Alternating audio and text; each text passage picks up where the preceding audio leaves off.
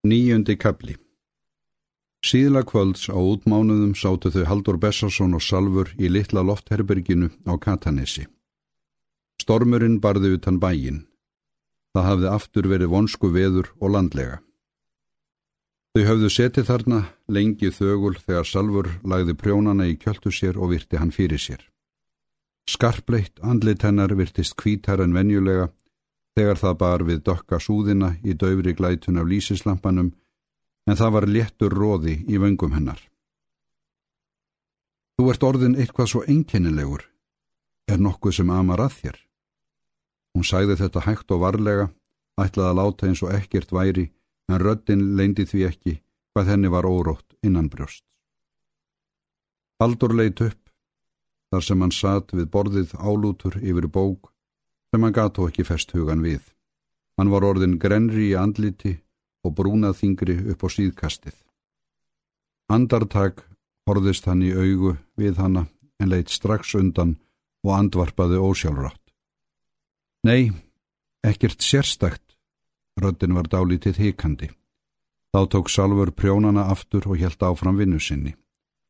Skömmu síðar sagði hún óskup, látt áfram leið ekki vel á hraunni.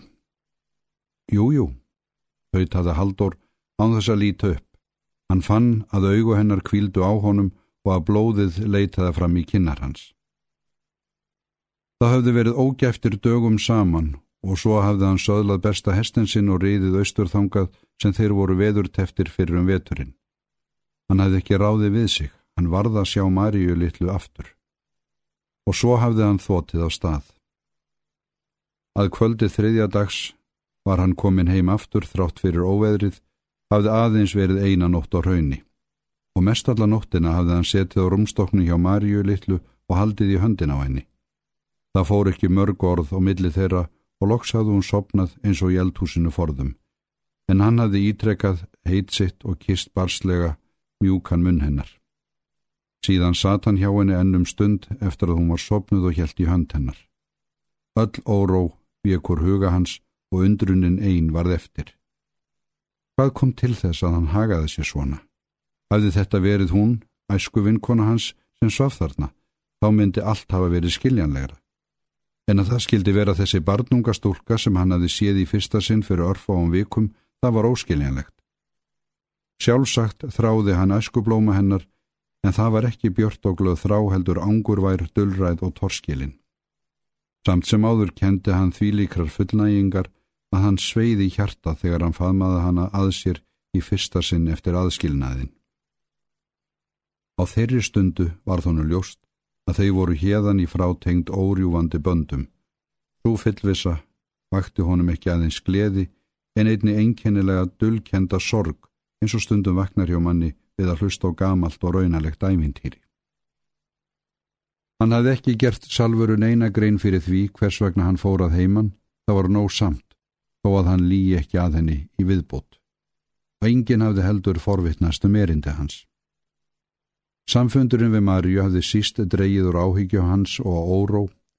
Vest var þó að ganga yðjulöys í landi dag eftir dag, þá var hann meiri nokkur sinni áður ofurseldur hugarkvöldsinni. Útáfið duldi hann það sem honum bjói brjósti með glensu og gamni, Hann var líka orðin ennþá ógætnari á sjónum svo að hann varða að játa fyrir sjálfun sér að það var óðsmanns æði. Ásettarnir mögluð aldrei en þeir voru enn fálátári og kuldalegri í viðmóti við hann nú en áður. Hann reyndi að vera við salvuru eins og hann var vanur en hún fór nærri um óra á hans og hann vissi það vel. Hún háði einni sína baróttu en hvers vissi svo sem hvað henni bjó í hug. Og aldrei hafði hún verið betri og nærgætnari við hann en einmitt nú. Hann sóttist eftir allótum hennar hugstóla af þrá eftir henni. Hann myndist þess að áður fyrr, meðan hann var með æsku vinkonu sinni, hafði hann enga laungun til annar að kvenna, en það fyrðulega var að hann virtist aldrei hafa verið háðari salvuru en eftir að þetta kom fyrir. Eitthvað tvírætt og anstætt var komið upp á milli þeirra, en eiga síður var hann rólegastur og örugastur í návist hennar þegar hann ekki þreytti styrfi storma á stórsjó. Væri hann fjari salvuru, þá þráði hann aðeins Marju, en strax og heim kom sóttist hann eftir salvuru, eins og þar væri fró að finna. Gleðin og áhyggjuleysið sem áður einkendi sambúð þeirra var úr sögunni og eitthvað vilt og ofsafengið komið í staðin. Hann reys allt í einu og fætur og skellt eftir bókinni. Ég ætla að ganga út, sagði hann. Hún leitt undrand upp. Út, núna, maldaði hún í móin en áttaði sig strax. Húðu þið þó vel, sagði hún rólega. Úti var þýða og útsunnan stórviðri.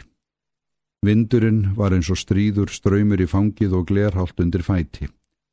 En æðiskengi stórviðrið svalaði haldóri og gerði honum rorra í skapi. Það var hressand að streytast á móti storminum. Hann lagði leiðsina upp á eina hæðina vestan við bæin, lind ekki látum, fyrir hann var komin upp á brún. Þarna mann staðar tókaði skinnhúuna niður fyrir eiru og svipaði stum. Það sá naumast út úr augunum fyrir myrkri, en þó gatt hann greint hamvilt brímið við tangana og í vógminninu. Allt í einu vaknaði í honum kynleg hugsun. Það var einkynlegt eins og djúft var og skjólgott inni í vóginum hvað grinningarnar voru miklar í minninu. En væri hægt að grafa upp botnin svo að það erði nægilega djúft myndu brotin úr sögunni og engin hægt að komast inn á vóginu út úr honum. Þá erði hér besta höfn og gerföldu Suðurlandi og stór skip getur leiði hér óhullt í hvaða veðri sem væri.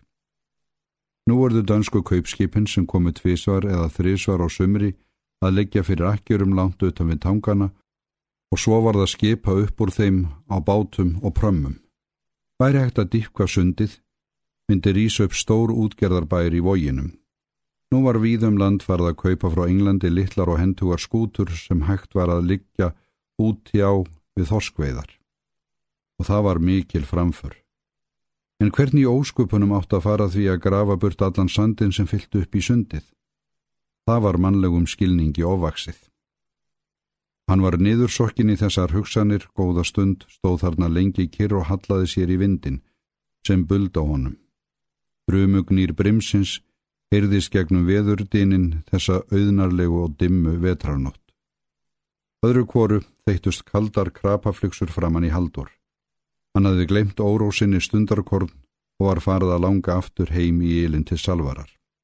Ofsi og hamfari náttúrunnar sefaðan helst þessa daga.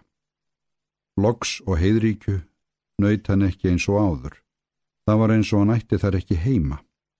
Hann skinjaði enn hátileik í huga sínum þegar hann horði á kvítan jökulin í fjarska, en það veitt honum ekki sömu frá og áður. Oft rifiðust upp fyrir honum orð ömmu hans um mennina og náttúruna en hann reyndi ekki að brjóta þau til merkjar.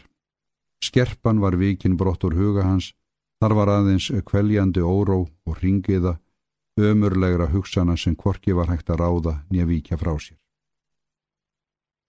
Hann hljóp af stað ofan eftir, skreikaði öðru hverju fótur á halkunni, datt einu sinni og mitti sig, en sársökin var þónum bara til fróunar. Hann lind ekki á sprettunum fyrir hann heima á hlaði. Ásetar hans voru allir sopnaður niðri og þegar hann kom upp var salfur líka hátt. Lampin bara dauða byrtu svo dimt var í herberginu. Ofviðrið barði utan bæin og gegnum þygt og torfþækið hyrðist eins og forsniður í fjarska. Hann virti fyrir sér sterklega ávala arma hennar ofan á sanginni, hvítar og breyðar herðarnar og þjettan holdugan hálsennar sem hóst svo mjúklega frá barminum. Hann háttaði í flíti, slökti ljósið og fór upp í til hennar. Ílurinn af hraustum líkamennar flættu mann eins og þungur og heitur ströymur. Hún vafði handlingjónum um hálsónum og þrýstu honum að sér. Naktir líkamar þeirra hörfu hvort til annars og ofsafingin trillingur deyði vitunduna um allt annað en það var kona sem kvildi í faðmi hans. Faðmlög þeirra voru vilt og harneskjuleg, þau svöluðu losta hvors annars og síðan seg á þau værð og ró. Hann hjælt í hönd henni í myrkrinu og í hug hann streymdi fríðandi unaður á návist hennar. Honum fannst hann aldrei einmanna þegar hann var hjá Salvöru, ekki einu sinni nú þegar hann hafði svikið hana. Næstu vikur var sambúð þeirra með þeim hætti að þau virtust hafa gætur hvort á öðru á daginn en háðu hvort sína baráttu í leini, en á kvöldin leitu þau hvort til annars og fundu stundarfró í allótum sínum. Haldur hafði aldrei verið betri eða nærgætnari við salvuru, en hún vissi vel að eitthvað ílt var á seiði. Huggur og kvíði sótt að henni ef hann brá sér að heiman. Hvaða erindi átti hann að hrauni og hver var þessi Marja sem hann kallaði á í óráðinu? Hann hafði ekkert sagt henni og hún spurði kvorki hann í aðra. Hún var laungum fámál og þó venju fremur nú, en kvöld nokkurt þegar þau sátu í herbergi sínu, leitt hún á hann og mælti stillilega. Okkur líður svo vel hvort í öðru haldur. Ég er ofta að hugsa um hvað svo dýrð mun haldast lengi. Haldur í brá, en augnar á þennar krafðist svars. Hann vildi ekki ljúað henni en eitthvað var þann að segja.